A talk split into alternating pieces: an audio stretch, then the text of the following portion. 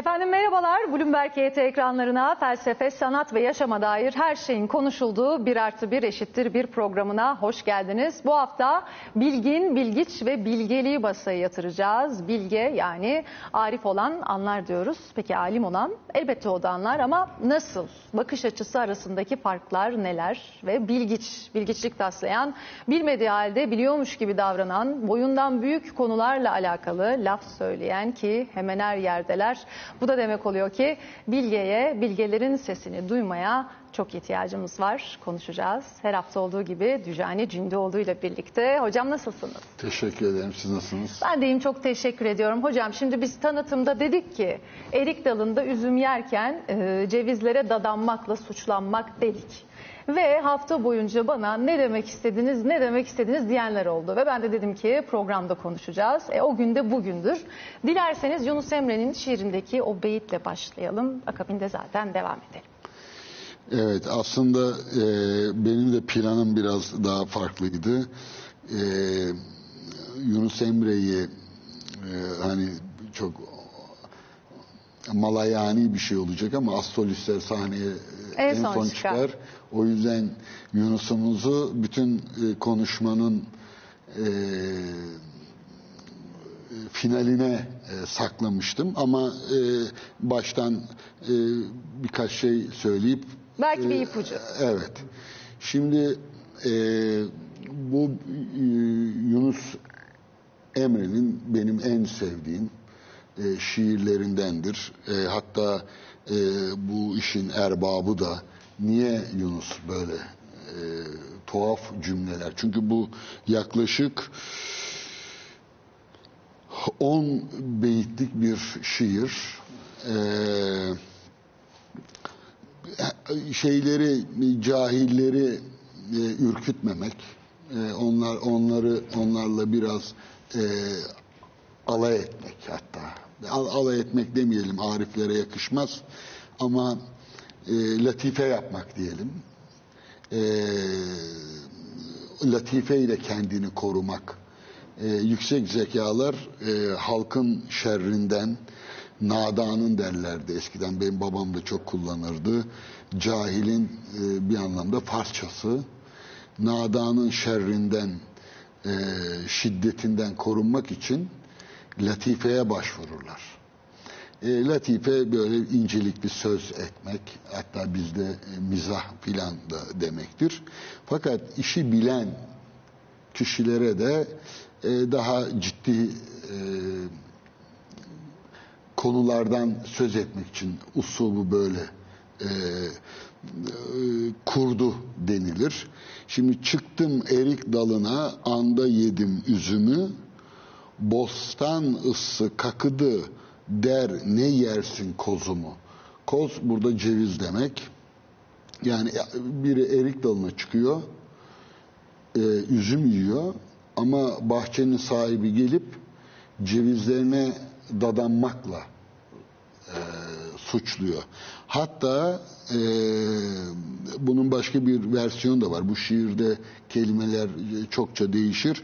Bostan ıssı geldi eydir uğruladı kozumu.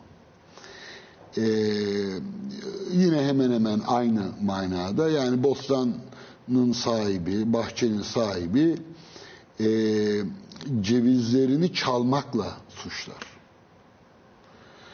E, hatta e, okuyayım biraz o latifeye ortak edelim e, izleyicilerimizi. Kerpiç koydum kazana poyraz ile kaynattım. Nedir deyip sorana bandım verdim özünü. İplik verdim çul, çulhaya sarıp yumak etmemiş. Becit becit ısmarlar gelsin alsın bezini. Bir, serç, bir serçenin kanadın kırk kanıya yüklettim. Yani bir serçenin kanadını kırk kanıya yüklettim. Çifti dayı çekmedi şöyle kaldı kazını. Bir sinek bir kartalı salladı vurdu yere. Ya da kaldırıp vurdu yere, urdu yere. Yalan değil, gerçektir. Ben de gördüm tozunu. Bir küt ile güreştim, elsiz ayağım aldı.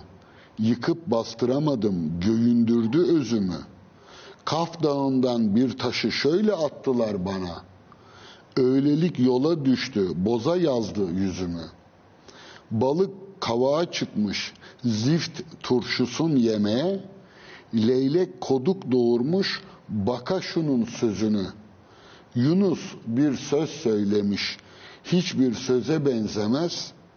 Münafıklar elinden örter mana yüzünü.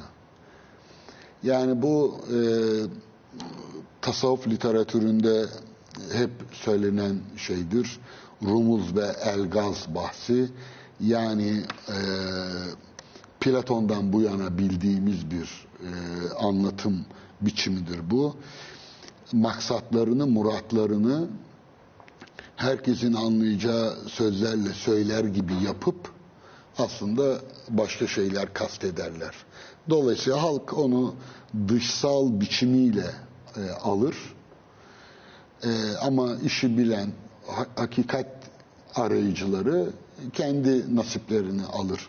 Şimdi e, bizim e, burada iki beyt tabii bunun tamamını konuşamayız. Bir birinci beyti konuşacağız. Yani çıktım erik dalına anda yedim üzümü, bostan ısı kakıyıp dir ne girsin kozumu. Bir de bir sinek bir kartalı kaldırıp urdu yere. Yalan değil gerçektir. Ben de gördüm tozunu diyor. E, bu bizim başlığımızdaki aslında bilgi, bilgiç, bilgin ve bilge sıralamasıyla erik, üzüm ve cevizi eşleştireceğiz. E, burada bir e, tehlikeli işe kalkıp Yunus'umuzun e, bu beyitlerini yorumlamayı deneyeceğim. Bir de tabii bize başka bir herkesin bildiğini tahmin ettiğim bir dörtlü eşlik edecek. İlim ilim bilmektir. İlim kendin bilmektir. Sen kendin Bilmezsen, bilmezsen ya ya, hoca demiş. Bu nice okumaktır. Şimdi e, ama en başa tekrar e, kendi tasarımıma döneyim izninizle.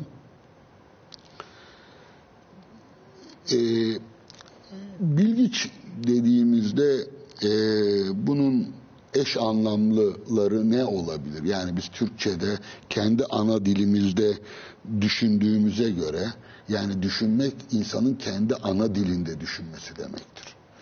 Hatta zaman zaman burada yabancı dillerden örnekler veriyoruz. O benim bir kusurum olarak düşünmelerini e, beklerim izleyicilerden. E, yoksa e, burada o yabancı kelimeleri e, işte bazen Yunancasını, bazen Almancasını, Fransızcasını söylememiz bu dillerde böyle e, bir gösteriş arzusuna umarım bağlanmaz. Bu e, sürekli ayağını sabit bir zemine basma ihtiyacı duyan bir ruhun yani bendenizin sürekli aslıyla irtibatı koparmadan onu en yaygın biçimiyle değil bizzat orijinaliyle zihninde tutmaya özen göstermektendir. Çünkü Türkçe'de aydınlanma deyince hatta aydın mesela e, sokakta halka sorsalar aydın nedir diye kaç kişi aklı başında iki üç cümleyle bu sözcüğü e, bu terimi tanımlayabilir. Aydın ne demek? Eskiden münevver deniliyordu mesela. Şimdi aydın deyince bir kök arıyoruz filan. Aymak olabilir. Aydınlanmak olabilir. Ama münevver deyince nur var, ışık var. Niye bu tabirler kullanılıyor? İşte şimdi ister istemez e, entelektüel mesela değil mi? E, bugün de konuşacağız. E, bir entelektüel var, e, bir de entel var mesela. Şimdi e, dolayısıyla biz bilgiçle başlayalım ve bilgiçin eş anlamlıları ne olabilir?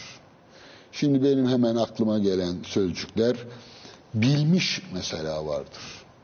Şimdi bilmiş hatta bir de çok bilmiş.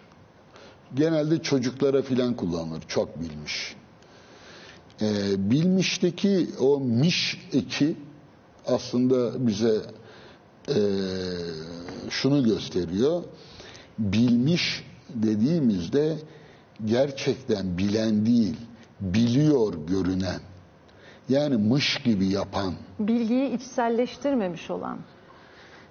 Yani bazı e, bilenlerin söylediği sözcükleri kullanan, e, bu işin erbabının konuştuğu gibi konuşmaya çalışan ama onun altını dolduramayan e, bir bilmişin bu anlamı vardır. Bir de kendi ona kendisine yakışmayacak derede, derecede kendi sınırlarını aşan, haddini aşan manası vardır.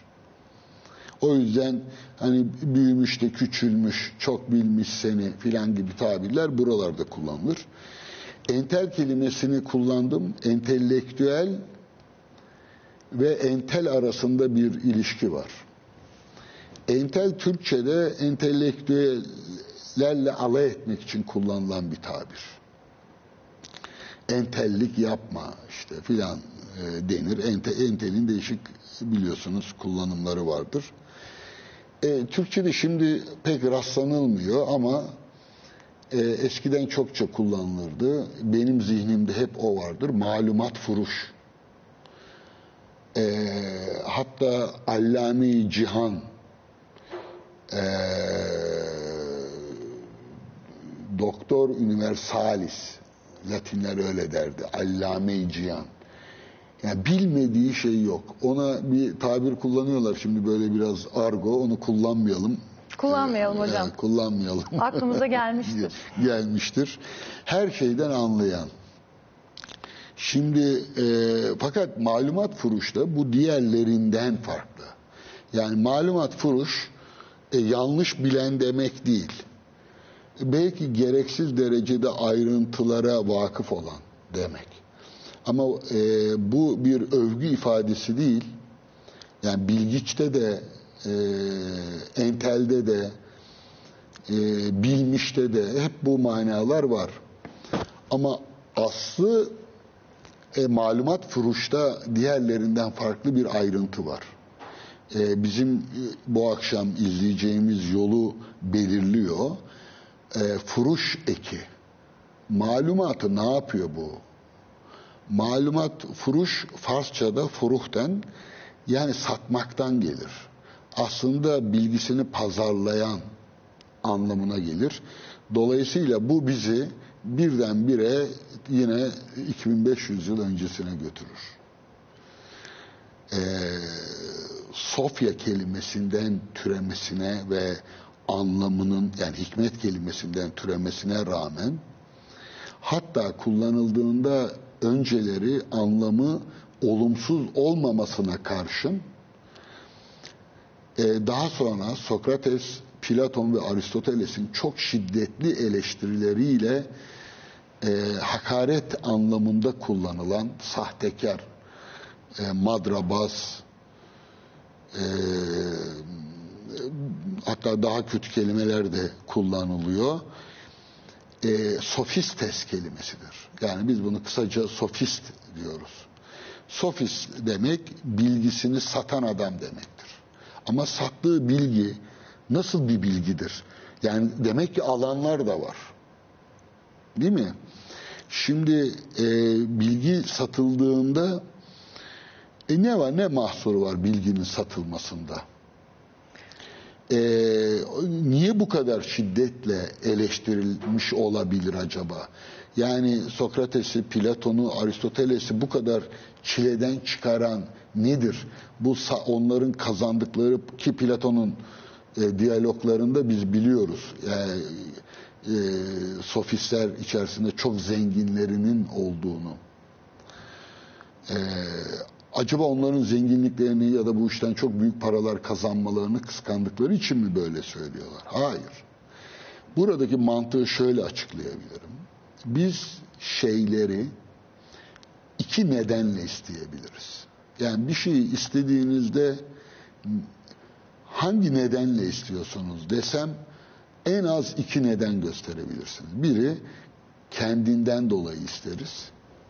Bir de başka bir şeyden dolayı isteriz. Yani yararından dolayı. Dolayı, dolayı isteriz. Yani mesela ben para istiyorum desem Paranın kendisini istemiyorum. Onu bana sağladıklarını kol- istiyorum. koleksiyon e, yapacak değilim yani o paranın kendisini istemiyorum.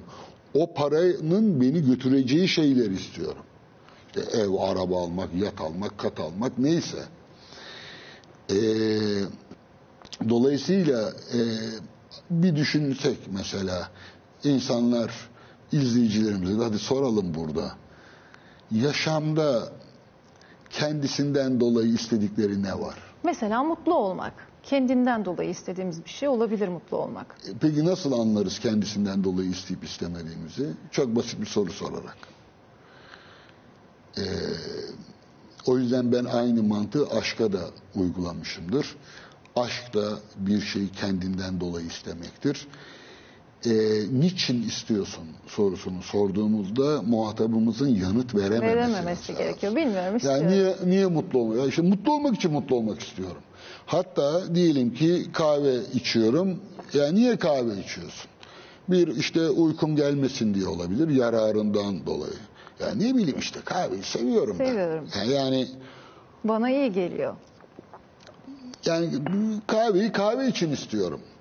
Şimdi eee, kendisinden dolayı istenen şeylerden bir tanesi işte diyelim ki mutluluk.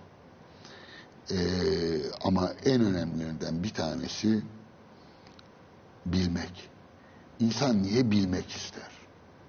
O bilgi e, millet hemen zannediyor ki e, yararından dolayı bilgi istenir. Hayır, hangi bilgilerin yararı vardır? Tam tersine Aristoteles'e göre İnsan te- doğası gereği bilmek ister der. e, ama o işte ben oraya itiraz edeceğim hemen kılı kırk yarıcılığım e, tutacak. E, ben çevremde hiç doğası gereği bilmek isteyen insan Öyle bir görmedim, sahip. görmedim desem. Yani hiç bakın çevrenizde kaç kişi bilmek istiyor. Hem de doğası gereği. Bu mümkün değil. Ee, Yunancası yanlış anlaşılıyor onun.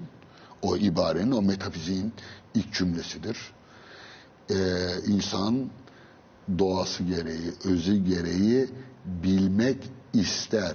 İstemek, irade hiç alakası yok. Daha doğru tercümeler desire'dan, desir'den e, türetirler. Fransızca çevirilerinde, İngilizce çevirilerinde öyle yapıyorlar. Onlar da yanlış bence. Arzular diye çeviriyorlar. Ben böyle biraz Osmanlıcadan e, yardım alarak e, çeviriyorum ki onun başında e, her insan, bütün insanlar tabiri var. Bütün insanlar ya da işte biz insanlar diyelim, insanda bilmeye karşı bir doğal eğilim vardır. Bir meyli tabii vardır. Doğal eğilim vardır, bir potansiyel vardır. Arzu ila e, bunu e, yine Spinoza'dan hareketle ayıracağım. Appetitusla yani direkt bir şeyi e, istemekle arzulamak arasında ne fark vardır? Güdüsel isteklerle, acıkmakla mesela. Diyelim ki ben acıktım desem ne istiyorum? Doymayı istiyorum, yemeği istiyorum. Ama ben dondurma istiyorum dersem He, dersiniz ki bu Dücane Bey daha evvel dondurma yemiş, do- dondurmanın hazzını almış, hazzını aldığı bir şeyi istiyor. Arzu kendisine bilincin eşlik ettiği e, istençtir. Öyle söyleyeyim. Yani arzuda daha önce denemiş olmak vardır. E, denediğimiz şeyleri arzularız o hazzı almışızdır, onu arzularız. Ama burada oreksis fiilini kullanmasına rağmen Aristoteles, burada çok kalmayacağım hemen e, hareket edeceğim, e, bir eğilimden söz ediyor. Dolayısıyla bilmeye doğru insanda doğal bir eğilim vardır. Yoksa insanlar bakın etrafınıza kimse bilmeyi filan istediği yok. Ee, sağdan sağ üç kişiyiz biz e, yani e, şeyin kitlelerin e, bilmeye karşı bir e, ihtiyaç duyduklarını ben gözlemlemedim. Şimdi dolayısıyla e, e, ama şeyi kaçırdım. E, sorunuzun tam geldiği yerde neredeydim? Bilgi E, bir şeyi bahsediyor. kendinden dolayı istemekteydi. Evet.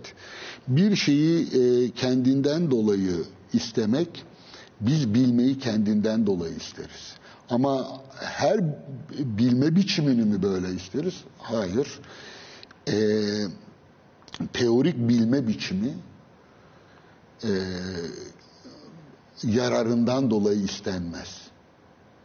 O yüzden yarardan dolayı e, talep edilmeyen bilgi türüne e, ya da talep edenlere e, sofos, bilge denir.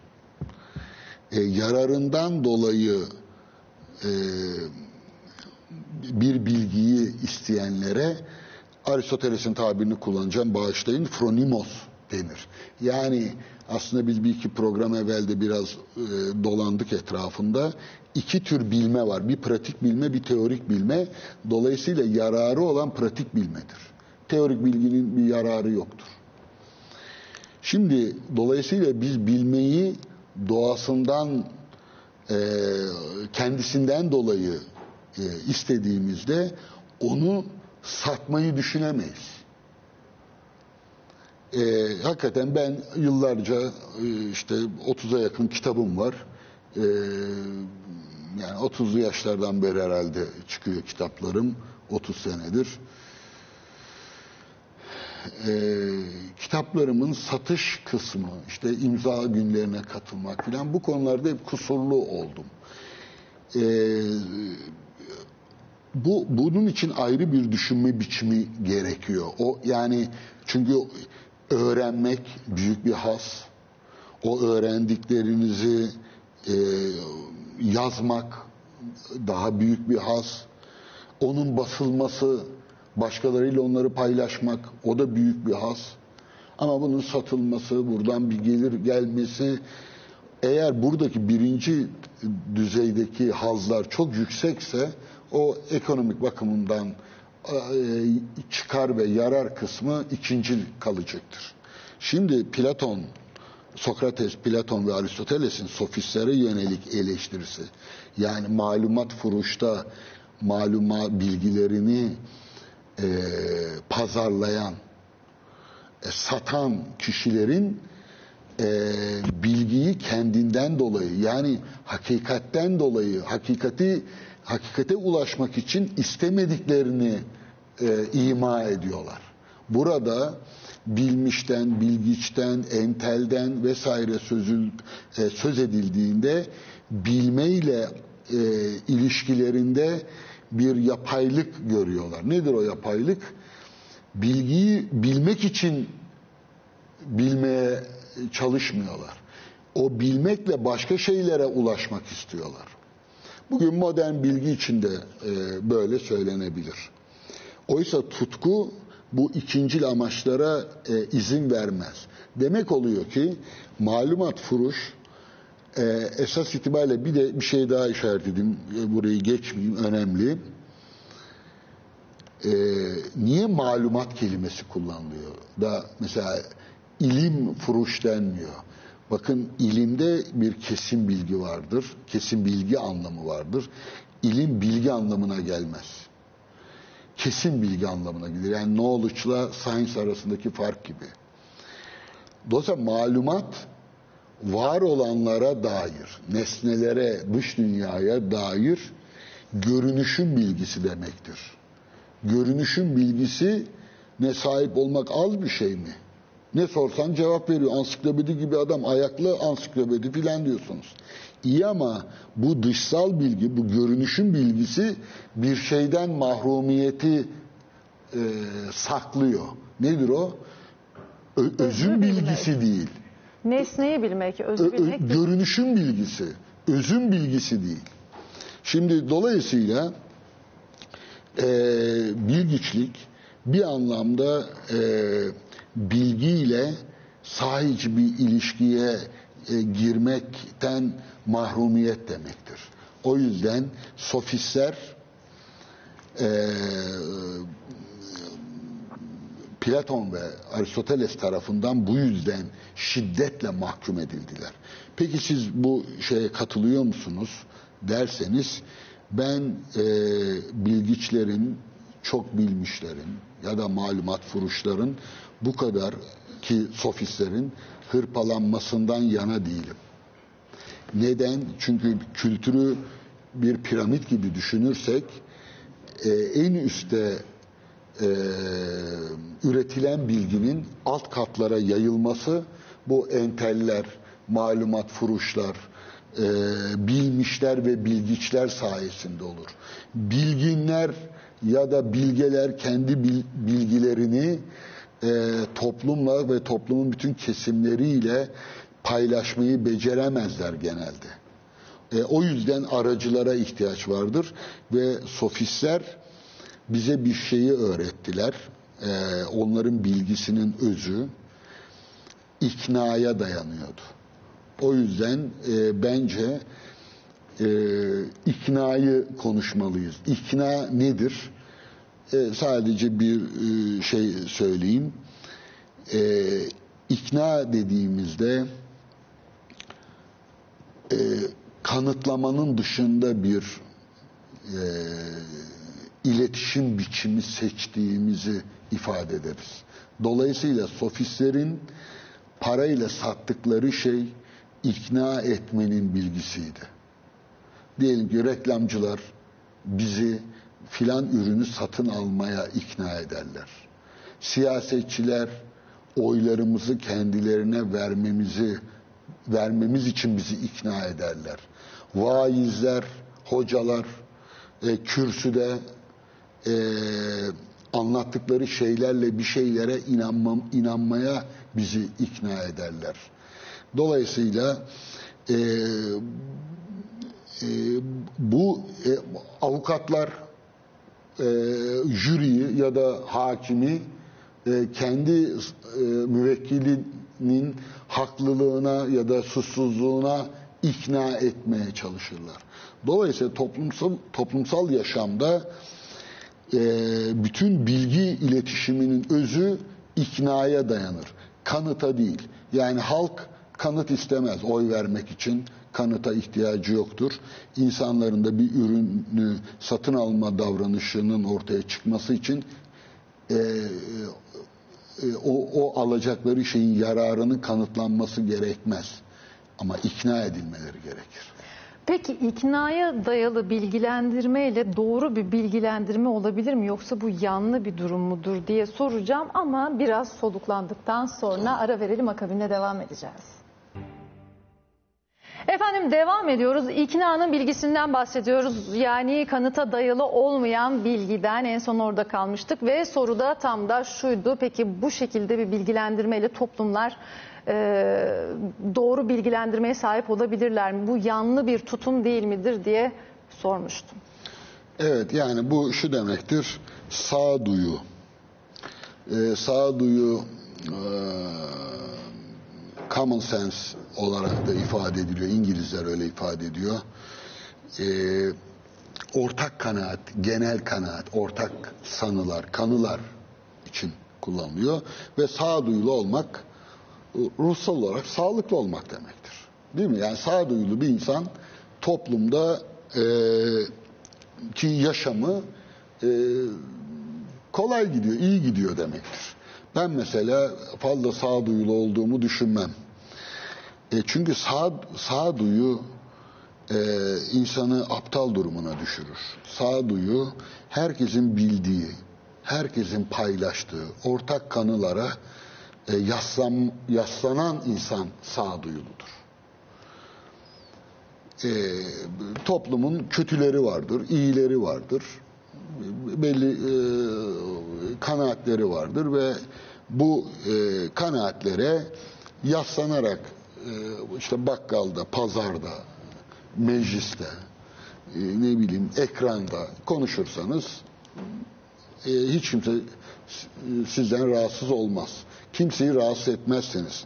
Ama bu ortak kanıların yani öyle mi acaba bir düşünelim filan dediğinizde birdenbire huzursuz etmeye, o insanları çocukluklarından beri doğru bildikleri konularda kuşkuya düşürmekle e, suçlarlar. Hatta size hasta muamelesi yaparlar. Ki eskiden deli diye e, şeye o zaman tımarhane diyorlardı. Tımarhaneye tıkarlar.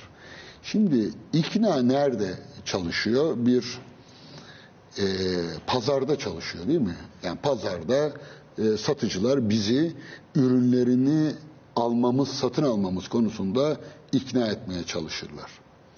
Meydanlarda çalışıyor değil mi? Politikacılar meydanlarda bizi e, kendilerine oy atmamız, kendilerini desteklememiz için ikna etmeye çalışırlar.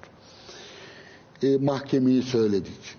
E, avukatlar e, ve savcılar e, iddialarının savundukları e, şeylerin doğruluğuna hakimi ya da jüriyi ikna etmeye çalışırlar. E, yorumcular, televizyon yorumcuları da öyle değil mi? Gazeteciler, gazeteciler anlattık verdikleri haberlerin doğruluğuna bizi ikna ederler, bizi yönlendirmeye çalışırlar. E, kanaatlerimizi etkilemeye çalışırlar. Mesela kanaat önderleri filan denir. Kanaat önderleri nedir? Esas itibariyle toplumun sağduyusunu yönlendirebilme yeteneği olan otoriteler demektir. Yani halk filan söylüyorsa herhalde doğru söylüyordur. O, o kadar adam da herhalde yalan söyleyecek değil ya e, şeklinde düşünür. Şimdi e, dolayısıyla ikna toplumsallığın e, toplumsal ve siyasal olanın özü iknadır. İkna neyle olur? Yani iknayı biz mantık alanına seç, şey yapsak, çeksek, e, çok tabii fazla değil ama birazcık e, çeksek ve desek ki e, ne tür bir akıl yürütme biçimiyle bu ikna olur? Çünkü sofistlerin sattığı bilgi bu ikna etme yeteneği kazandırmak. Yani diyor ki ben seni bana şu kadar para ver ben seni yetiştireceğim. Benden aldığın ders sayesinde e, mahkemede e, hakimi ve jüriyi ikna edeceksin. Suçlu olsan bile onları suçsuzluğuna ikna edeceksin. Edebilme yeteneği kazandıracağım. Ticaret yapıyorsan filan hatta Aristofanes'in Sokrates'i idama götüren oyununda öyle bir şey vardır. Bir adam borçlarını ödemiyor ama e, borçlarından kurtulmak istiyor ve Sokrates'e geliyor. Sen bana öğret şu e, şeyi felsefe denilen şeyi. Ben de bu borçlardan kurtulayım diyor. Ee, ve tabii aslında orada Sokrates'le alay ediliyor. Sokrates'in bilgisinin sofistik bir bilgi olduğunu iddia eder Aristofanes. Muhafazakar bir sanatçı olarak. Ee, dolayısıyla nasıl bir akıl yürütme biçimidir? Ee, şiirsel bir ak akıl yürütme biçimidir. Ee, şimdi ona uslamlama deniyor. İki e, hitabet yani retorik, retorik. bir e, retoriksel bir akıl yürütme biçimidir ve diyalektik. E, yani cedeli. Dolayısıyla şiir, hitabet ve cedel. Yani poetika, retorika ve diyalektika. Şimdi bu üçü toplumsal yaşamda e, konuşmanın, düşünmenin filan işte herkes düşünüyor. İşte herkes bilmek istiyor filan. Buralarda geliyor. Yani bu esas itibariyle iknanın ötesine geçemeyen, dolayısıyla en başarılıların sağduyulu kabul edilebileceği düşünme biçimidir. Yararlıdır. Hakikaten malınızı satmanıza, siyasetçiyseniz seçilmenize, eğer seçiliyorsanız, bürokratsanız yükselmenize, e, komutanlarınızı ikna edeceksiniz. Olmanız gerekmez yalnız. Yani sattığınız malın satılabilir olması ya da oy talep ettiğinizde oya oyu hak etmeniz gerekmez. Sadece muhataplarınızı ikna etmeniz lazım. Yani öyle görünmeniz, öyleymiş gibi algılanmanız lazım. O yüzden bilgiç, bilmiş e, vesaire o oradaki sütundaki e, kalabalık zevat aslında iknanın bilgisine sahip olan, olmaya çalışan, bunun içinde her şeyden biraz anlayan ve e, hakikatin bilgisine yani kanıtlanabilir kesin bilgiye yüz çevirmiş e, olan kesimlerdir. Yani bilginin özüyle değil, bilginin kazandırdığı statüyle alakalı olan insanlar diyebilir miyiz onlar için? Bilginin onlara kazandıracağı statünün peşinde koşan. Ee, şöyle e, diyebiliriz.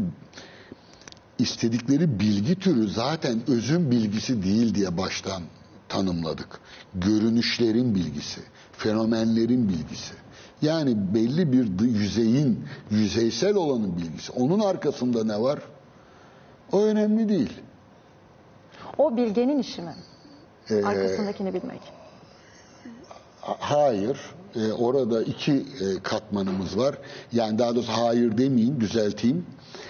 Ee, yalnızca bilgenin değil, bilginin de işi. Şimdi bir de bilgin var.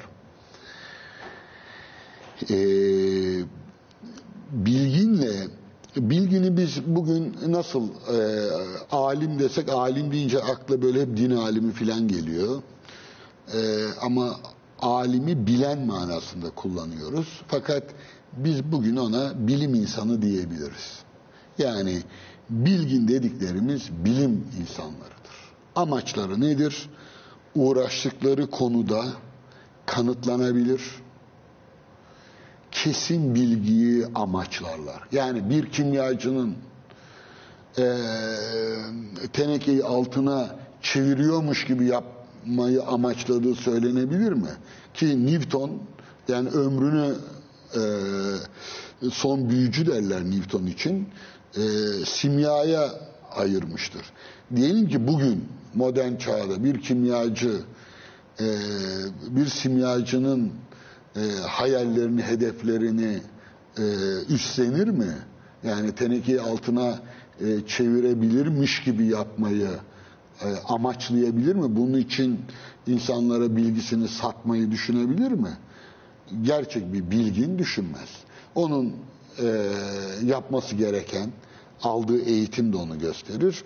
Nedir? Kimya alanında neyse uğraştığı konular o konularda kesin olabildiğince denetlenebilir, ölçümlenebilir, yinelenebilir. Ee, bilimsel bilgi dediğimiz, e, bilimsel bilginin vasıfları olarak kullandığımız özelliklere ulaşmaktır. E, bu bir sosyolog olsa, e, bir psikolog olsa, ne bileyim, e, bir siyaset bilimci olsa acaba bu tür bir kesin bilgiye ulaşabilir mi? Yani bir fizikçi gibi, bir kimyacı gibi. E, o yüzden pratik bilimlerle teorik bilimler arasında bir ayrım yapılmıştır ama biz onları da yine bilim kapsamına alıyoruz. Niye? Tarihle, bir tarihle uğraşan televizyonlarda filan da hep görürüz. Böyle bir sürü masal anlatan adam tarihçi olarak çıkıyor. ideolojik e, pozisyonlarına uygun olarak. Ama bir de ciddi tarihçiler var. Ee, yani isim vermeyelim burada, kimseyi incitmeyelim. Ama diyelim ki Halil İnalcık deyince akla ne gelir? Değil mi? Gerçek bir e, tarihçi gelir. Ee, onun işi nedir? Kendi alanında kesin bilgiye ulaşmak. Halil İnalcık'ın en büyük, en övündüğü keşiflerden biri nedir? İşte Osmanlı'nın kuruluşu 1299 mu, 1300 mü? E, benim tanıdığım yine e, ta, şey e, Türk Tarih Kurum Başkanlığı yapmış e, ismini anmakta bir beis yok.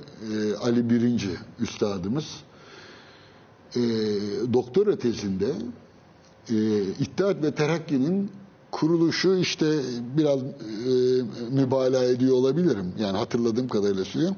Çarşamba günü işte yedisinde mi kuruldu, sekizinde mi? e, en çok emek harcadığı alanlardan biri e, buydu hatırladığım kadarıyla. Ben kendimden de örnek verebilirim.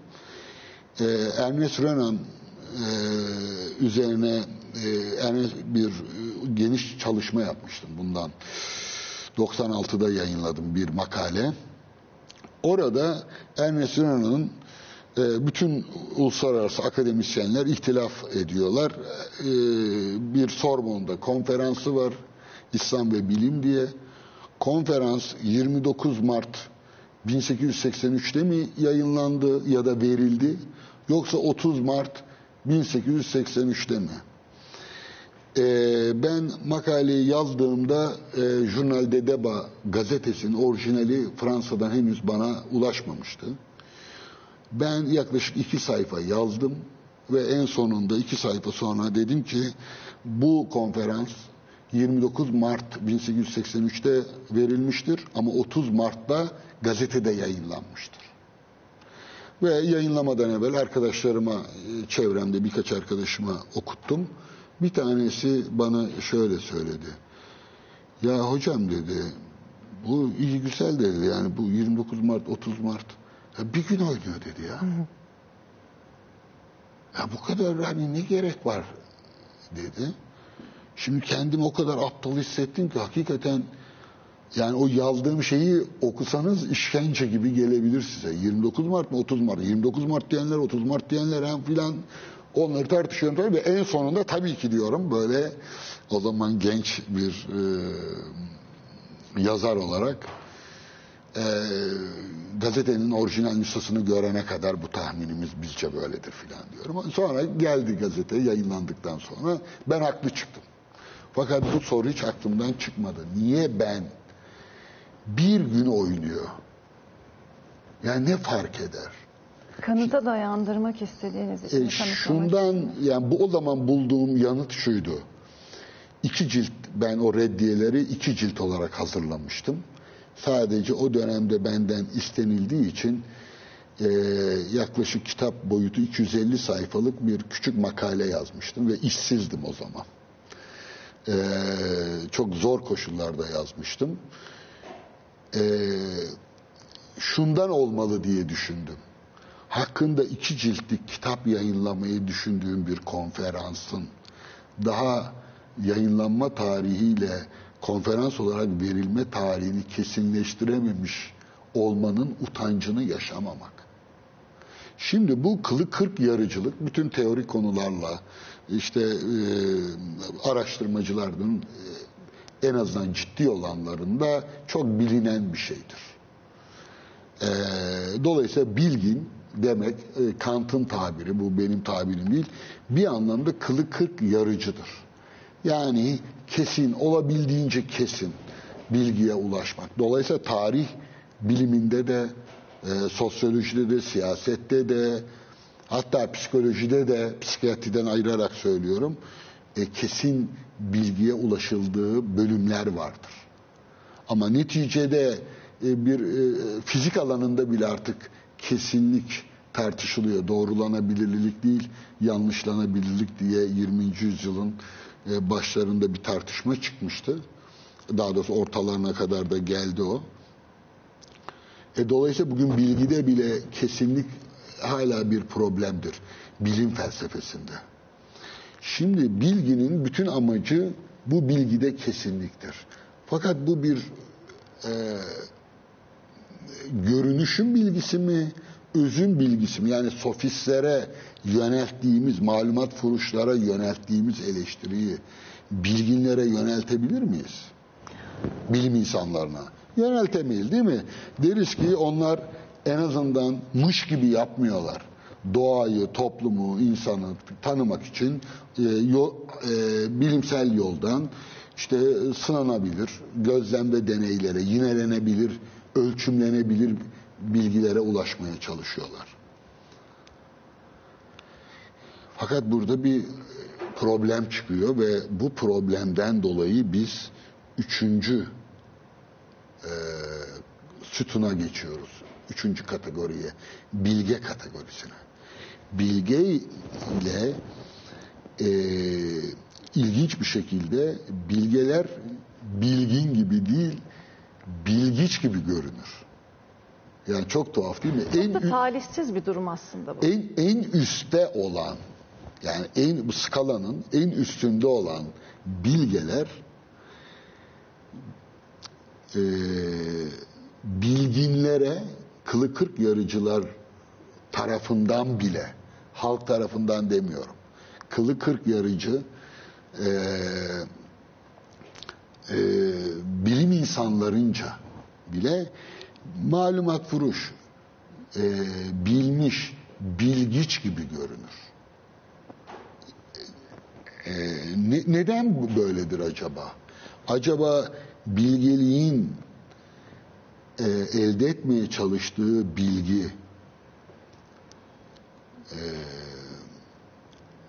bilgine göre niçin özün bilgisi değil de görünüşün bilgisi gibiymişçesine e, dudak bükülür. Ve bilgeler bilginler hakkında ne der acaba? Yani bilginlerin o kesin bilgi yani onu açıkça söyledik. O bilgi biçimini bilgeler nasıl görür? Ee, Şimdi bunu bunu konuşacağız ama e, burada altını bir kez daha çizmek istiyorum. Bilgiyi bilginin yanından çok yani yanına bilgin e, bilge bilginin yanına değil bilmişin bilgiçin yanına yakışır görünüşte. Bu çok büyük bir paradoks. Neden acaba? En üst skaladaki ortadakine değil de en alttakiyle eş tutulur. Yani işte filozof müsveddesi e, ya da işte e, ne diyelim alim tasla filan gibi e, suçlamalar niçin ortadaki bölümde bilgin sütununda gerçekleşmez? Bilginin elindeki bilginin çok kesin olmasından mı? Şimdi e, Bilginin elinde teorik bilgi, bilgenin elinde ise daha pratiğe dayalı bir bilgi var aslında. Ayrım Hayır, yapacak te- olursak. teori konusunu da şey bilgine bırakmaz bilgi. Yani şimdi eee, şunu tabii bir problem olarak eee, kenarda tutmalıyız. Eee, bu benim de zihnimi yıllardır meşgul eden konulardan biridir. Bilgin olmadan bilge olunabilir mi? Yani bilgeler bilgin olmayanlar mıdır? Şimdi halk bilgeleri, mesela Aşık Veysel bilge biri değil miydi? Öyleydi. Yunus Emre Öyleydi. peki bilgin mi bunlar? Tam tersinden soracak olursak bilgin olmak için o zaman bilgeliğe gerek yok da diyebiliyor muyuz? Tabii ki.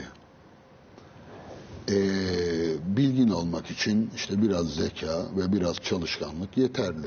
Değil mi? İyi bir mühendis, ne bileyim iyi bir mimar, iyi bir doktor, iyi bir kimyacı filan, yani iyi bir fizikçi, iyi bir matematikçi olmak için ne, yani bir yetenek biraz gerekir.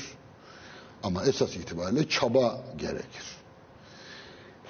Ancak e, biz bilginin elindeki bilgiyi kanıtlanmış bilgi olarak kabul etmemize karşın bilgiçin elindekinden neyle ayırdık? E, bilgiçin mış gibi yapıyor dedik. Ve e, aslında amacı hakkında konuştuğu şeylerin hakikatine, özüne dair bir bilgi değil. Çünkü amacı ikna zaten. İkna olduğu için yani astronomi hakkında da konuşur, matematik hakkında da konuşur, her konuda konuşur. Ama amacı iknadır. Ee, dolayısıyla nerede kalmak zorunda? Yüzeyde, dışsalda kalmak zorunda. Şimdi bunu eee Bilge'ye geçmeden, çünkü Bilge'ye Yunus Emre ile geçelim istiyorum. Bilge'ye geçmeden evvel e, bilgiçliğin bize ne tür bir maliyeti var? Bunu açıklamazsak e, bütün bu söylediklerimiz havada yüzer, yerine yerini bulmaz. Şimdi e,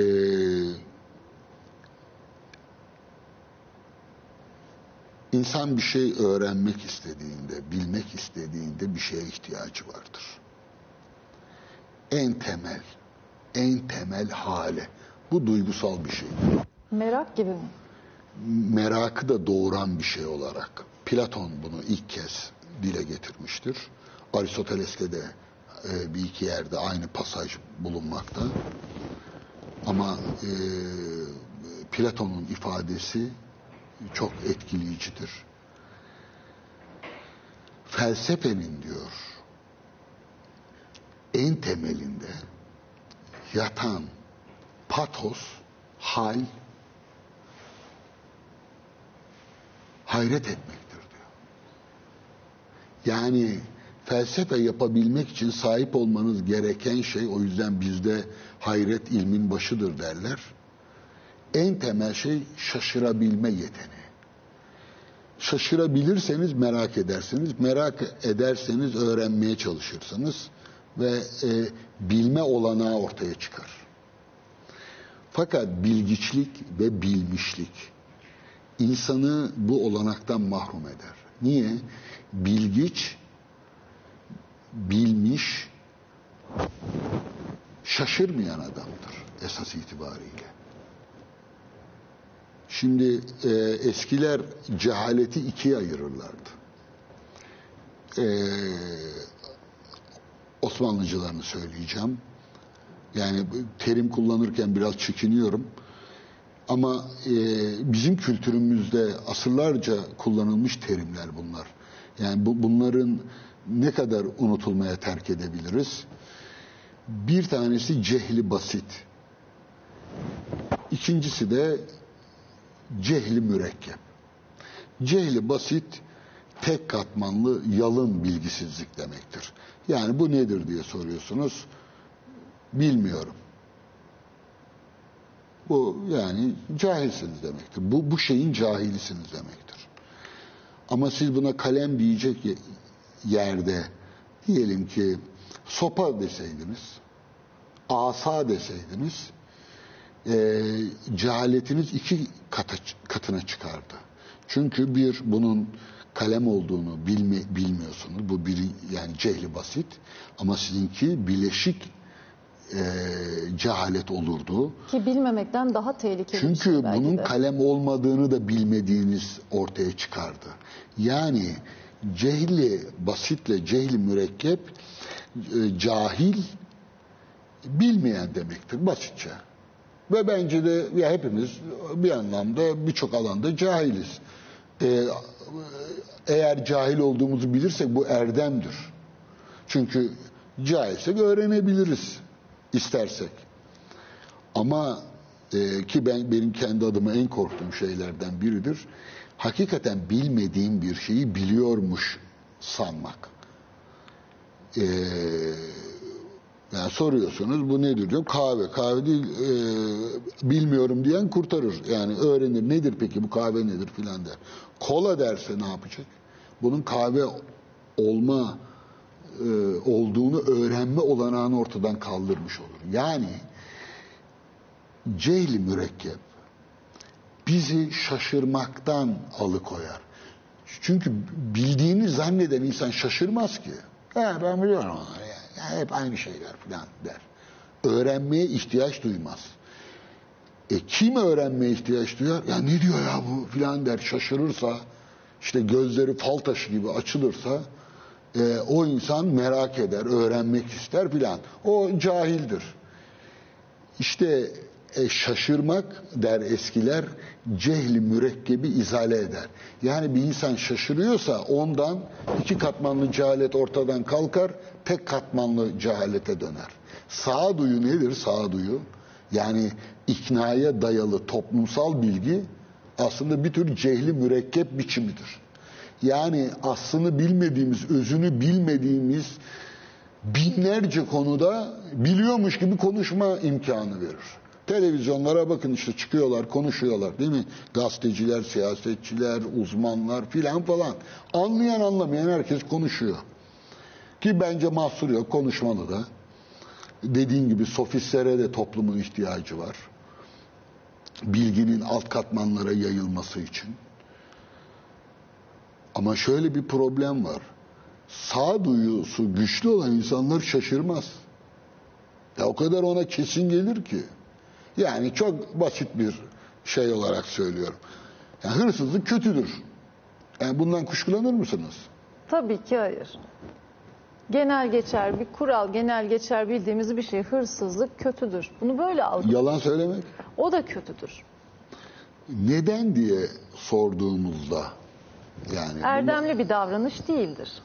işte e, bunu sorsak yani gerçekten mi öyle? Hani bir daha ele alalım mı? Ha, Hani yalan, söylemek kötüdür. Hayatınızda hiç yalan söyler misiniz? E söylersiniz. Ama o zaman Seden'le beni aldatmak mı istiyorsun? Kötü mü değil mi karar ver. Kötü olsa yani sen bile bile mi bu kötülüğü işliyorsun? Kötü olduğuna nereden ka- kanaat e, yani bu kanaate nasıl ulaştın? E babam dedi bana. Evet, evet. Hocam dedi. İşte okulda dediler. Yani Öğretilmiş ama e, öğretilmiş, öğrenilmiş değil. Dolayısıyla bizim bütün bilgilerimiz aslında öğretilmiş bilgiler bizden neyi alıyor? şaşırma yetimizi e, yok ediyor ve biz öğrenme e, yeteneğimizi yitiriyoruz. Şaşırmadığımız için. Biliyormuşuz zannediyoruz. Ya iki kere iki dört yani. İşte mesela bir artı bir eşittir bir hala mesela dikkat ediyorum bazıları e, matematiksel olarak bu yanlıştır diyor. Yani oysa bir program konuştum. Yani bu matematiksel bir denklem değil ki. Bu bir metafor. Metaforu çözümleyemiyor. Yani çıktım erik dalına deyince erik nerede hocam diyor.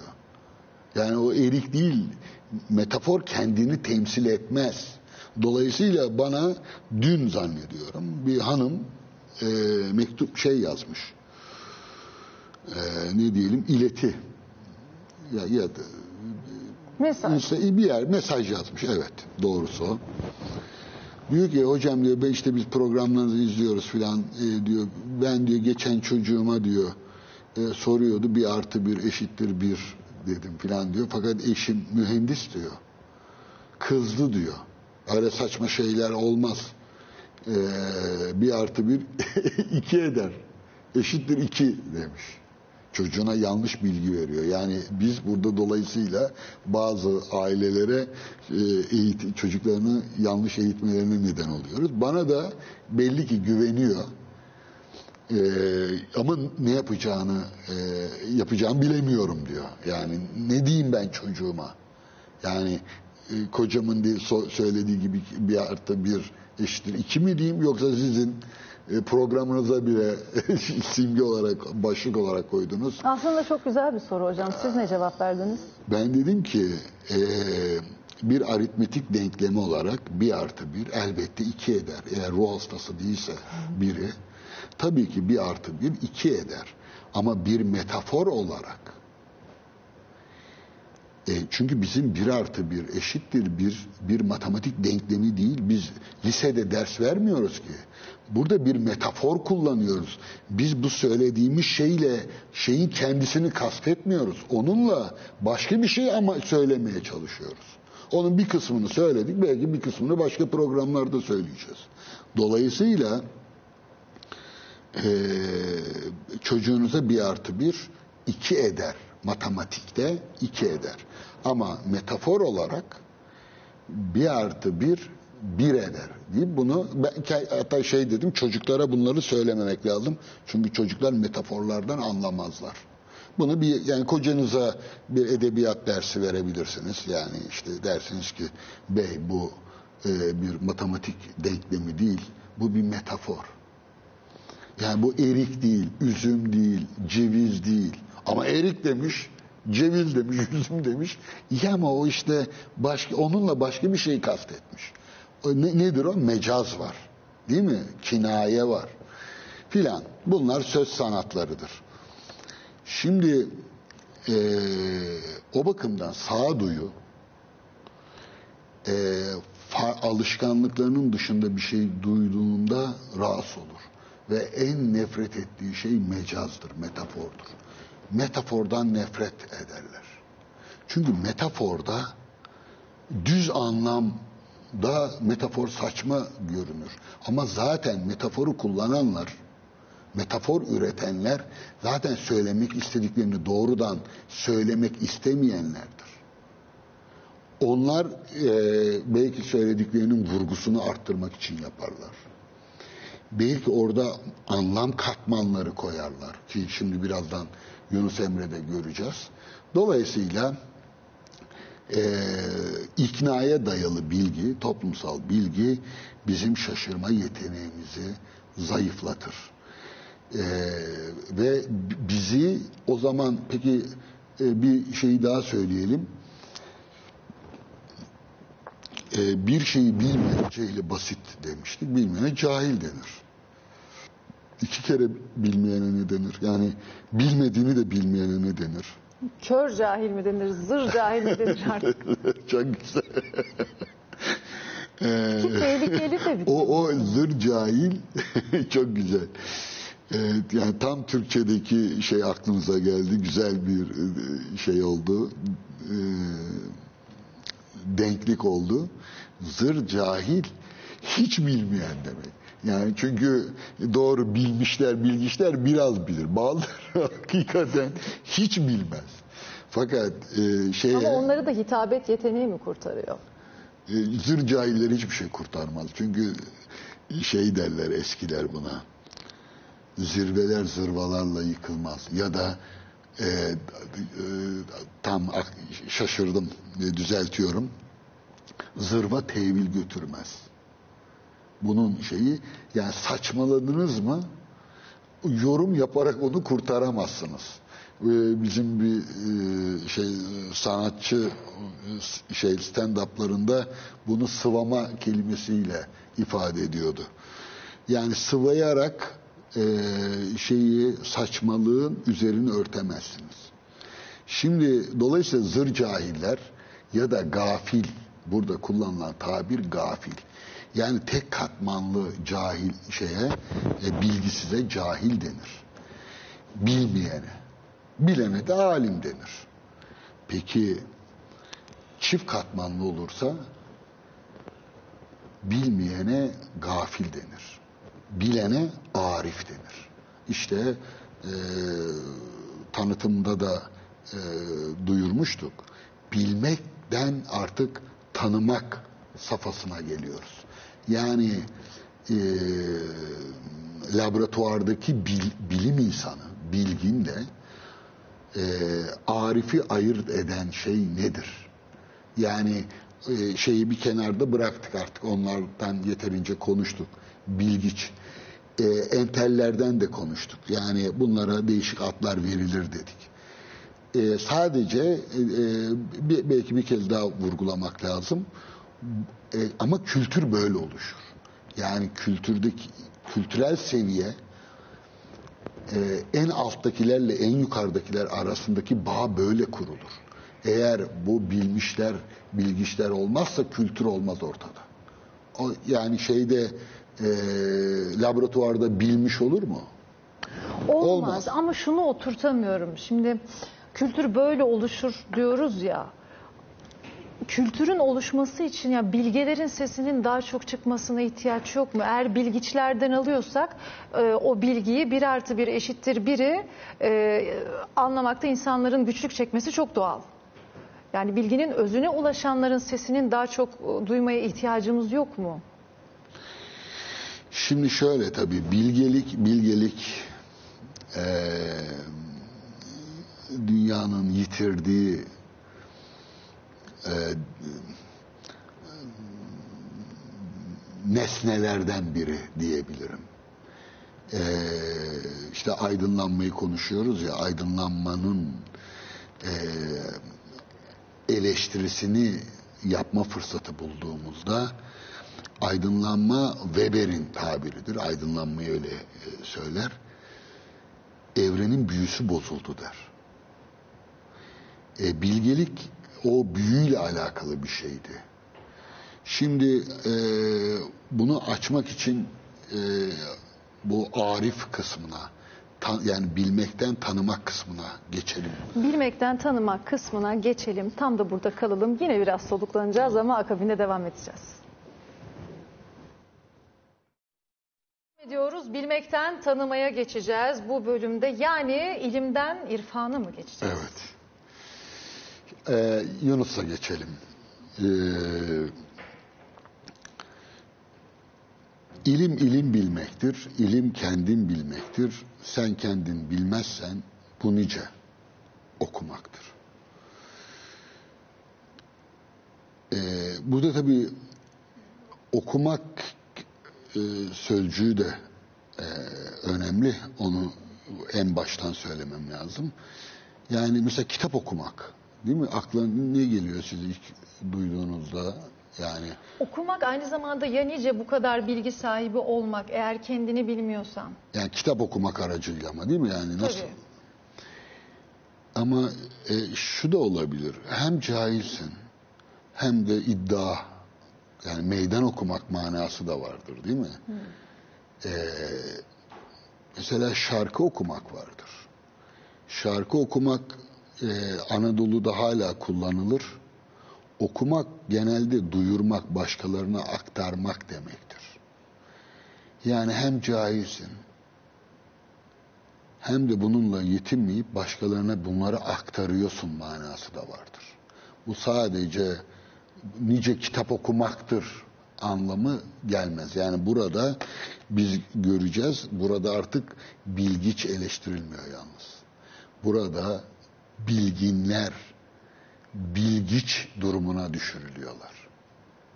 Şimdi eee keşke e, bu konularda okunabilecek çok şey olsaydı. Ama biz kendi değerlerimizle, kendi kültürel değerlerimizle e, fazla emek harcamıyoruz. Harcanan emekler de çok yeterli değil. Bu sahanın uzmanları dünyadan habersiz. Dünyadan haberdar olanlar kendi değerlerinden habersiz. Böyle bir e, trajik bir e, çatışmanın ortasında ilerliyoruz. Şimdi ben ilk okuduğumda ilim ilim bilmektir e, ifadesine anlam verememiştim. Yani çok uğraştım. E, bir yerden okuyarak da e, anlama imkanım yoktu. Yani hep standart şeyler dolanır bu konularda. Yani böyle bazı ifadeler vardır. Yani dandini dandini dastana gibi. Ee, e, tekrarın anlamı yoktur. O bir vurgudur. Yani ilim ilim bilmektir. Yani yani bilmek zaten ilim demektir. ilim, ilim, yani ilim. Ee, bunu şöyle e, yorumlamayı tercih etmiştim yıllar önce ve yazmıştım da bu konularda. Ee, Türkçe'ye çevirsem, daha günümüz Türkçesine çevirsem zannediyorum daha kısa yoldan muradımı anlatmış olurum. Bilmek, bilmeyi bilmektir. Diğeri kadar kötü mü? Yo hayır. Bilmek bilmeyi bilmektir. Bilginin Evet. kendisini bilmek. Ee, ama bu da totoloji gibi değil mi? İnsan insandır, masa masadır gibi. Yani bir şeyi kendisiyle açıklamış olmuyor muyuz? Değil. En azından bize bu bilmek bilmeyi bilmektir. İlim ilmi bilmektir. Anlamını kesinleştirmemizi sağlıyor. Bu önemli bir kalkış noktası. Niye? Çünkü kavramsal olarak bakarsak, bir refleksiyonla bakarsak bilgiden söz edilen her yerde iki şey zorunlu olarak akla gelmek zorunda. Mesela sanat. Sanat dediğimiz zaman iki şeyi düşünmeden edemezsiniz. Buna e, şey derlerdi eskiler. Gerekir yani lüzum lazımdır. Sanat diyorsanız sanatçı demeden sanat diyebilir misiniz? Olmaz değil mi? Olmaz. Yani sanat sanat yapıtı demeden Eser. Demek. eser değil mi? Yani sanat dediğimizde aslında o sanatın içinde zorunlu olarak sanatçı ve eser vardır. Yani ortada aşk diyorsak aşık vardır, maşık vardır. İlim diyorsak alim vardır, malum vardır. Şimdi o halde Yunus ne diyor? İlim ilim bilmektir derken ha ilim varsa bir alim var, bir malum var. Bilginler neyi bilirler? Malumu bilirler. Yani bilineni bilirler. Yunus onları neyle eleştiriyor? Sadece malumu bilmekle mi eleştiriyor? Alimi bilmiyor, nesneyi biliyor ama özneyi, Özneyi bilmiyor. bilmiyor. Malumla yetiniyor. Ee, dolayısıyla peki nereden maluma değil alime yani şey Türkçe gidelim biz daha iyi olur. Bilmek daima bir bileni ve bilineni akla getirir. Bilen ve bilinen olmadan bilmek bilgi olmaz. Dolayısıyla Yunus'un eleştirdiği desek ki e, burada ilimden e, bilen kastediliyor desek olmaz. Niye? Çünkü ikinci mısrada ilim kendim bilmektir diyecek.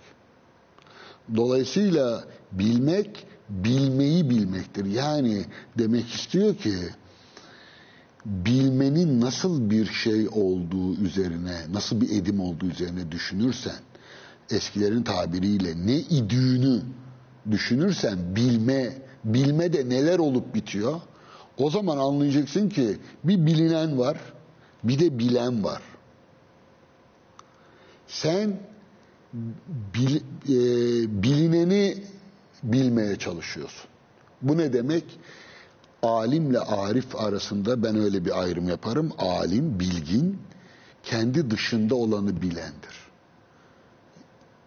Yani bir mühendis, diyelim ki bir fizikçi, e, bir tabip, e, esas itibariyle bir bilim adamı hangi alanda uğraşırsa uğraşsın. Aslında bildiği şey kendi dışında olandır. Yani nesnel bilgidir. Objektif bilgidir. Obje e, Latince'de karşıda duran şey demektir. Karşımda duran şeydir nesne.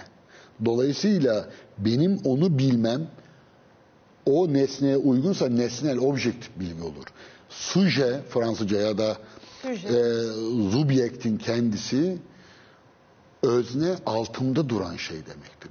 S- Sub oradaki e, ek önek altta dur alt demektir. Dolayısıyla özne kendisinin üzerinde duran demektir. Nesne karşısında duran demektir. Op'tan gelir o. Dolayısıyla e, bilgin daima kendi dışında olanı bilendir. Kendi içinde ne olan olanı bilen midir? O zaman değildir. Eğer zaten olsa ona bilmek değil tanımak diyorlardı. Yani hep işte örnek veriyorum. Einstein'dan söz ediyoruz değil mi? 20. yüzyılın büyük dahisinden. Ee, Einstein'ı niye değer veriyoruz Einstein'a? Çok önemli bir bilgin olduğu için. Değil mi? Ama özel hayatı acaba nasıldı? Yani eşiyle olan ilişkisi, çocuklarıyla olan ilişkisi, ne bileyim akrabalarıyla olan ilişkisinde ya da kendisiyle ilişkisi. Yani Einstein'ın Einstein'la olan ilişkisi, o konudaki bilgisiyle diyelim ki e, e, fizik dünyaya ait bilgisini karşılaştırsak. Belki de evde çok daha geri kalacak. Yani ya da diyeceğiz ki Yani yani bir şöyle dışını dışını bilenin içini aynı şekilde bilmesi pek e, kolay Şahsen, olmaz. evet, evet, kolay Olması değil. istenir belki. Dolayısıyla burada ilim ilim bilmektir. Yani bilmek bilmeyi bilmektir. İlim kendin bilmektir. İşte yani demek istiyor ki bilmek bilmeyi bilmektir. Bilmeyi bilirsen bir bilinen bir bilinen görürsün. Bilineni değil. Bilenini bilmek bir iştir tabi. Ama asıl iş bileni bilmektir. O bilen kim sensin. Peki bunu mantıksal olarak nasıl temellendirebiliriz aradaki farkı? Şöyle. Ee, bilmek ile tanımak arasındaki farkı e, söylüyorum. E, bilmekte bilenle bilinen daima ayrıdır birbirinden. Ama tanımakta tanıyanla tanınan aynıdır. Biz yine Yunus'un terminolojisine bağlı kalalım. Yani ben kendimi biliyorum dediğimde bilinen ne? Kendim. Kendim. Bilen kim? Ben. Bak ikisi de aynı. Ama kendini bilmek. İşte kend- kendini bilmekte bilenle bilinen e, ittifak ediyor. Bir ve aynı şey halini almaya başlıyor. O halde e, e, bilenle bilinen ayrı olduğunda ki, e, aradaki ilişkiye bilgi diyoruz ya o bilgiyi tanımlasak nasıl tanımlarız? Mesela e, ben sizi biliyorum. Biliyorum derken ne yapıyorum? Size bakıyorum. Sizin bende bir imgeniz zihnimde canlanıyor. Gözümü kapasam bile sizi 10 dakika sonra görsem Aa, demin gördüğüm hanımefendi diyebilirim. Nasıl diyor diyebiliyorum bunu? Sizin bende bir suretiniz oluşuyor zihnimde. Bu başkasını bilmek. Nesneyi bilmek. Peki benim kendi kendimi bilmem, yani siz kendinizi biliyor musunuz diye Yani sorsalar. Kendi, kendini bilmek derken kendi zaaflarını, kendi isteklerini, arzularını, kendini Onu şey. e, bilemiyoruz ama yani in- e, incelememiz lazım. E, fakat kendimi ben bilirim filan dediğinizde sizde bir başkasını bilmek gibi bir e, şey e, suret imge meydana geliyor mu? Hayır. Niye? Kendimi biliyorum. Yani ben kendimin... Kendinizin bir imgesi var? Bakın Dücane Cündoğlu'nun sizde bir imgesi var. Ama Pınar'ın Kendimi, sizde tanı- kendimi tanıdığımı iddia ediyorsam tabii ki öyle bir imge oluşur. tanımada imge olur. Nasıl bir imge oluşur? Yani Pınar'ın özünün bir imgesi var mı? Olur mu? Olabilir mi? Olmaz. Kendi içimde. Hayır. O, oradaki bilme araçsal olmadığı için sizde bir resim meydana gelmez. Hangisi kesin bilgidir acaba? Bilimsel bilgi mi? Yani kendi dışımızdakini bildiğimizde mi daha kesin bir bilgiye ulaşmış oluruz?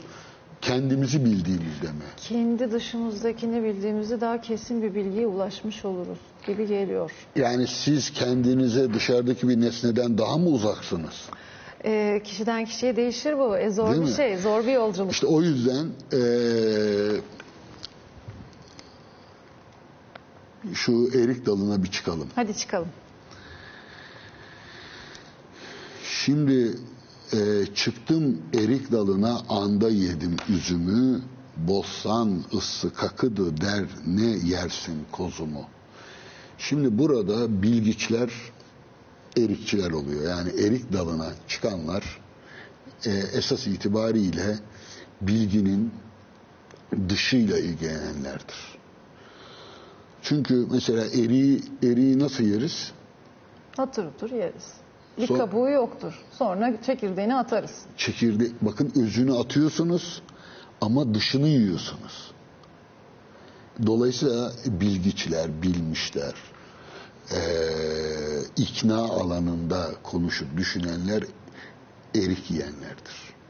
Ama hocam fazla biraz aşağıladınız ya da eee, küç- e, küçümsediniz.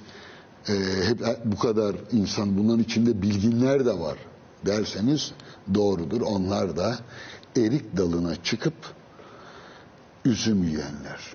Üzüm yediğimizde ne oluyor? Üzümü direkt hap olarak atıyoruz. Çekirdeğini falan da atmıyoruz. Öyle mi? Arada bir Çekirdeğini çekirdekleri oluyor ama yutuyoruz ama Yutuyoruz, çekirdeği. evet. Ha, ama e, bazen de çıkarıyoruz değil mi? E, sırf çekirdeğini çiğnesek biraz acı olur filan.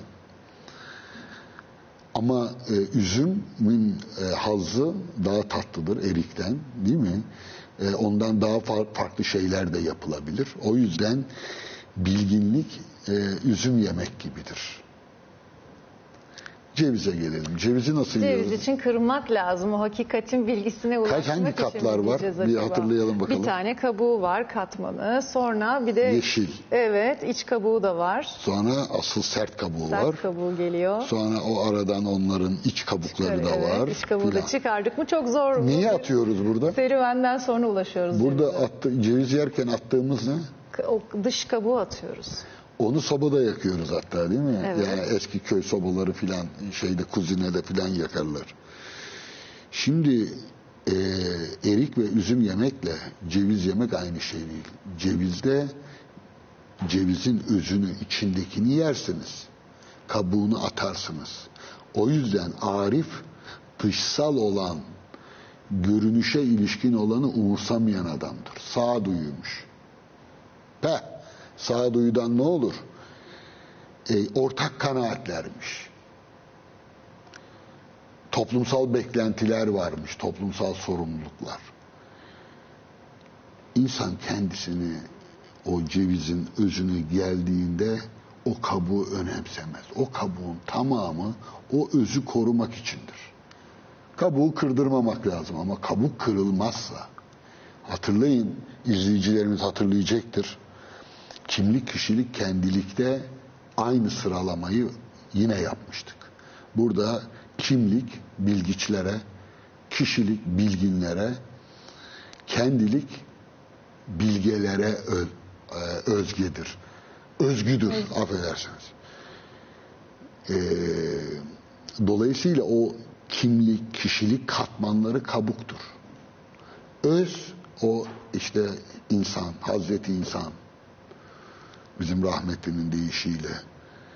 O, o kabuğu kırmadan olmaz. Hem kabuğu kırmayayım hem de cevizi yiyeyim. Olmaz. O yüzden o kimlik, kişilik olarak sana öğretilen ortak sanılarla hesaplaşma yiğitliğini gösteremezsen e, işte sağduyulu bir vatandaş olur çıkarsın. Kendine güveni, hayret etme, şaşma, şaşa kalma yetisini kaybetmiş sıradan biri olursun. Başka çaren yok. Kabuğu kırmak zorundasın. Ee, bunu bu şiirle ilgili birçok şerh yazılmıştır. Açılım. Bu şerhlerden iki tanesini zikretmek isterim. Bir tanesi Niyazi Mısri. Benim hususi bir şeyim vardır. Çünkü çok yani belki 5-6 yaşlarından beri babamdan yani evde konuşulurdu. Oradan e, şiirlerini ezberlemişimdir bazıları. Ha, yani yıllar sonra e, derman arardım derdime derdim bana derman imiş. Onun öncesi var. Burhan arardım aslıma aslım bana burhan imiş. Derman arardım derdime derdim bana derman imiş. Sağı solu gözler idim bir dost yüzün görsem diyor. Ben taşrada arar idim. Ol can, can, ol canan can içindeymiş. Şimdi yani bunun tamamını belki sonradan e, 17-18 yaşlarında tamamlamış olabilirim. Ama derman arar idim derdime, derdim bana derman imiş. Yani ilkokul çağlarından beri kulaklarımdadır. Anlamını bilmem e, evde e, söylenirdi. E, dolayısıyla Niyazi Mısri bu şiiri şerh eder. Çok önemlidir. Yine bir Bursalı, Niyazi Mısri de e, Kestel şeyde e, Bursalıdır esas itibariyle. E, İsmail Hakkı Bursevi de şerh yazmıştır. O biraz ulemadan e, ve e, Urafa'dandır ama e, Niyazi Mısri'ye göre e, meczuplardan değildir. Niyazi Mısri ile ilgili küçük bir not koyayım. 17. yüzyıl İkinci Viyana kuşatmasında üç isim vardır. Bu üç isim bir arada çalışılmadan o dönem Viyana kuşatması kolay kolay çözümlenemez. Sabatay Sevi, eee e, Niyazi Mısri ve Mehmet Vani Efendi. E, Mehmet Vani esas itibariyle e, birazdan göreceğimiz kartalı simgeleyecek. Sinek ve kartal. Evet, sinek ve kartaldaki kartaldır. Bir sinek bir kartalı salladı ya da kaldırdı, urdu yere. Yalan değil, gerçektir. Ben de gördüm tozunu diyor. Yani bir arif, bir derviş, nice bilgini, zahir ulemasını, bir sineğin bir kartalı yere vurması gibi yere vurur. Niye? Özün bilgisi, cevizin içindeki bilgi, eriğin ve üzümün bilgisinden daha büyük, daha derin bir bilgidir. O yüzden Niyazi Mısri burayı yorumlarken şöyle söylüyor. Diyor ki burada kastedilen şeriat, tarikat, hakikat ya da bazıları oraya marifeti de eklerler, dörtlü yaparlar. Şeriatla tarikat bir yerde, marifet, hakikat bir yerde.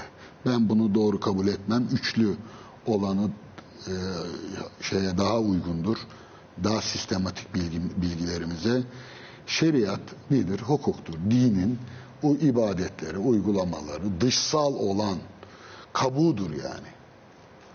Hukuk demektir. Şeriatı bilen, alim denilen insanlar, ulemada esas itibariyle bu kabuğun bilgisine sahip olan resim uleması, yani rüsum uleması denir. Resmin çoğuludur. Dışsal olan şeylerin bilginleridir bunlar. Fenomenlerin bilginleridir. Görünüşlerin bilgisidir. Özün değil. Tarikat bu hukuki bilgiyi bilir. Uyanları da vardır, uymayanları vardır. Ama tarikat daha çok bireyseldir ve o yüzden ahlak denebilir. Buradaki ahlakı toplumsal ahlak değil çünkü dervişlerin, sufilerin ahlakı toplumsal olanla çatışır.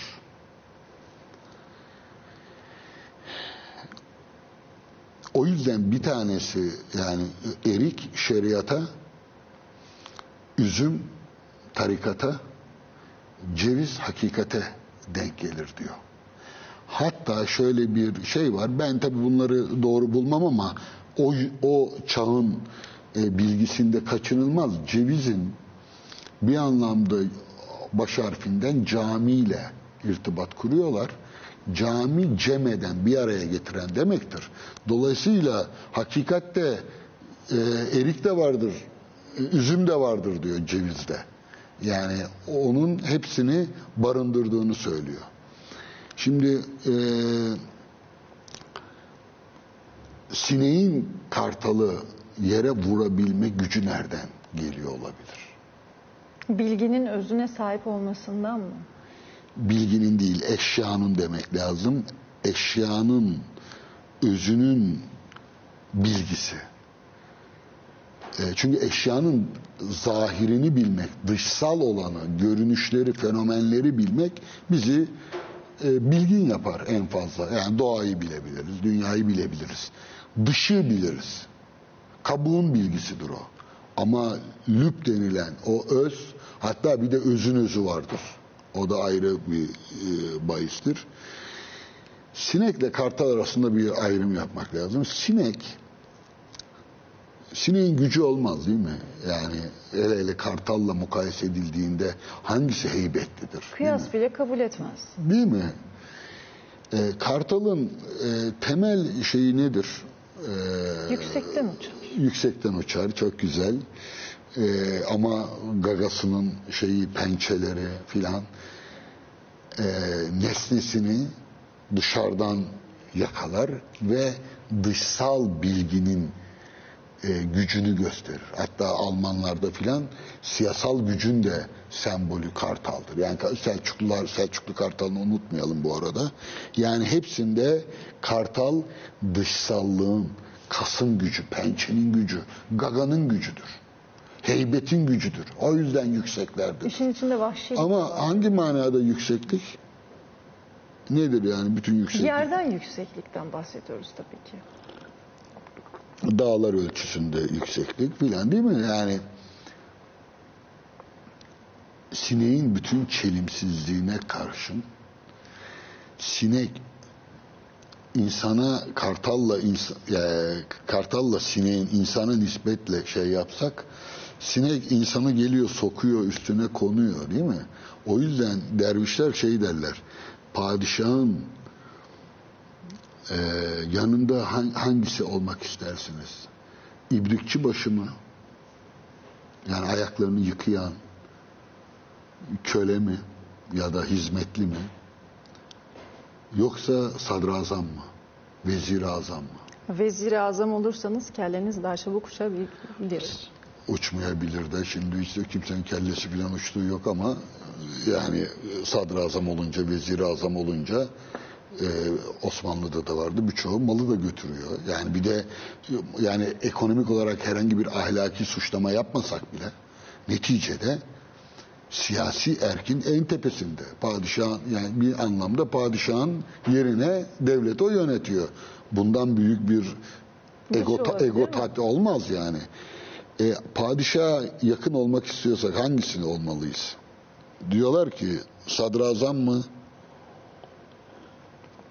Yoksa ayaklarını yıkayan ibrikçi mi? Ayaklarını yıkayan ibrikçiyi belki tehdit olarak görmediği için daha mı yakın oluyor? Hayır. Bu başka bir yerden benzetme yapıyorlar. Benzetmeler malum haliniz değişik açılardan yapılabilir. Sadrazam padişahın en fazla elini öpebilir, eteğini öpebilir. İbrikçi ayaklarını yıkıyor ya ona değiyor padişah. Padişah orada hakikati temsil eder. Dolayısıyla hakikat karşısında kartal mı olalım, sinek mi olalım? Bilen mi olalım, tanıyan mı olalım? Tanımakta diyelim ki biri diyebilir ki ben içinde ol, ben biliyorum diyebilir. Ne kastediyor olabilir? Ya ben kitaplarını okudum. O zaman hemen şöyle sorulur. Şahsen tanıyor musun? Yo tanımıyorum ama biliyorum. Yani kitapları aracılığıyla biliyorum. Ya da onu televizyonda videolarını seyrettim ya da programını seyrettim filan. Bir tanesi ben hiçbirini seyretmedim. Ama benim çocukluk arkadaşımdır. Yıllarca birlikte büyüdük. Kitaplarını da okumam. Ben tanırım onu. İşte kötü bir adamdır, iyi bir adamdır. Neyse bir, bir şey söyleyecektir. Şimdi tanımakla e, bilmek arasındaki fark bilmek daima dolayımlı bilmektir. Bakın size sona yaklaştık galiba. Var biraz daha vakit. Biraz daha var bir soru. Yani yanıtlamanız için sormuyorum tabii ki. Tanrı O zor soru. tabii Tanrı deyince bir kere bir duracağız. Alimdir yani alimdir değil mi? Bilendir. Bunda e, inanan bir insan için bir kuşku olur mu? Olmaz. Peki tamamen filolojik bir soru bu. Tanrı arif midir? Kemal yani Tanrı kemale kemal kelimesiyle sanki daha bağdaştırabiliriz. Ama ariftir. Tanrı irfan sahibidir diyebilir miyiz? Diyemeyiz. Diyemez miyiz? Tanrı ilim sahibidir denebilir. Çünkü kutsal kitapların hepsinde Tanrı'nın bilen her şeyi bilir. Yaprağın altındaki minnacık zerreleri bile bilir. Bilendir. Görendir, iştendir, bilendir. Ama tanıyan mıdır? Tanrı için arif sıfatı kullanılmaz. Çünkü tanımada dolaysız, cisimsel bir yakınlık gerekir. Bilmede kesinlik vardır. İrfana nispetle. İrfanda garip bir şekilde yakınlık vardır. Fakat biz yani insanın Tanrı'yı bilmesi Hem ariftir hem alimdir. alim senin ne alimdir? Tanrı'yı biliyorum ben. Ben alim billahım dese biri. Ne anlayacağız alim billah'tan? Doğru. Yani işte mesela Papa değil mi? Papa e, Hristiyanlığın e, en üst mertebesindeki kişi ve Tanrı'ya en yakın onun olması lazım. Papa Tanrı'nın alimi midir, arifi midir? Ya da Diyanet İşleri Başkanı bizde. Diyanet İşleri Başkanı alim bir insandır. Olmasaydı yani ilahiyat eğitimi almıştır. Ee, işte e, yani bir- bu kadar önemli bir dini kurumun başına geldiğine göre işte biraz ilmi vardır herhalde. Ya da Şeyhülislam'ın. Ama arif midir? Yani şey İslam'ı alim midir filan demiyorum. Tanrı'yı bilir. Nasıl bilir? E, hafız. Kur'an ezberinde. Ya da işte Kur'an'daki bütün açıklamaları biliyor. Yetmez. Ulemanın yaptığı bütün açıklamaları biliyor. Hep bildiği kelimeler bunlar. O yüzden dervişler der ki yani senin Tanrı ile aranda bir araç var. İşte ya Kur'an var ya peygamber var. Peygamberin e, aktarımıyla biz Tanrı'yla irtibat kuruyoruz. Ee, İbn Haldun bundan bahseder. Bazı dervişler diyor ki ya ben dinlemek yani o ona demiş Cebrail Hazreti Muhammed'e getirmiş. Hazreti Muhammed e, ümmete ümmetine okumuş Kur'an olarak. E, Kur'an'ı okuyacağız, anlayacağız ve öylelikle Tanrı'ya doğru. Ben göremez miyim diyor bazıları. Yani doğrudan bir temas yok mu?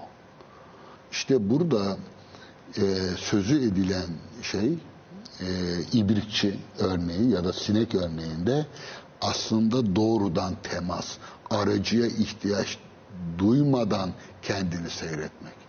E, diyeceksiniz ki yani bu tanrı manrı işler çok karıştı.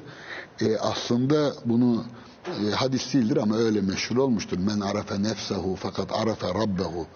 Kim ki kendini bildi, Rabbini bildi diyor. Yani Rabbini bilince kendini bilemiyor. Diyanet İşleri Başkanı, Papa, Şeyhülislam neyse ya da işte İran'da e, dini lider Hamenei Rabbini biliyor. Ne nasıl biliyor? Onun e, buyrukları, ayetleri, peygamberin hadisleri, ulemanın yazdıkları aracılığıyla onları okuyor, okuyor, okuyor. işte 40 yıl, 50 yıl ben diyor e, Tanrı'yı bildim, oradan kendini bilmeye gelemiyor. O yüzden o Rusum uleması, dışın, kabuğun, ceviz kabuğun uleması. Bir kısım diyor ki, ben doğrudan kendimi e, bilmeye çalıştım. Sokrates'in lafıdır bu. E, ben kırlardan, ağaçlardan e, öğrenmek istemiyorum diyor. Benim öğretmenim e, kırlar, ağaçlar değil, e, doğa değil diyor. Ben e, şehirde, insanlarda e, hakikati görmeye çalışıyorum diyor. Yani e, en, en sevdiğim tabiridir. Hatta duyururken kullandım. E, ben kendimi araştırıyorum. Yani doğa bilgini, bilgin doğayı araştırıyor. Kendi dışındakileri araştırıyor. E, Arif kendini araştırıyor. Sokrates böyleydi mesela. E, Sokrates bilgin değil diyebilir miyiz? E, hem bilgindi hem bilgeydi. E, daha sonra felsefede bu ikisini bir araya getirmeye çalıştı. Ama çok zordur. Dışa yöneldiğimizde içi unutuyoruz, kabukla uğraşıyoruz, cevize hiç ulaşamıyoruz. Ya da işte ömrümüz erik ve üzümle geçiyor. Fakat bazıları çok sayısı az olanlar e, o kabukları kırarak cevizi yemeyi başarıyorlar. Ke keşke o kabukları kırarak cevizi yemeye başaranların... Ama o zaman da toplumdan uzak kalıyorlar. E, Keşke işte tam da onu diyecektim. Keşke o ceviz yemeyi başaranların seslerini daha çok duysak ki en çok da buna ihtiyacımız var diyebiliriz. Hocam sonuna geldik. Ben bir, Program şimdi bir, bitti. bir, bir cümle Tabii ki. söyleyeyim. E, halkın cevize ihtiyacı olmaz. Olmaz mı? Halk erik ve üzümle mutlu olur. Mutlu mu olur? Akıllılar yani. E, sağduyulu akıllılar. E, herkese ben erik ve üzümü e, Tavsiye tavsiye ederim. Mutlu olurlar. Ceviz Ama- yemek isteyenler de o zaman evlerinde odalarına çekilip Yo hayır. Halk içinde hakla beraber olmayı öğrenmeliler. o zaman aynen bu cümlenizle. O, o zaman işte Yunus gibi konuşmaya başlarsınız. O da doğru, doğru söylüyorsunuz. Peki bu hafta bilgin, bilge, bilgiç masaya yatırdığımız konulardı. Haftaya tekrar görüşmek üzere efendim. Hoşçakalın.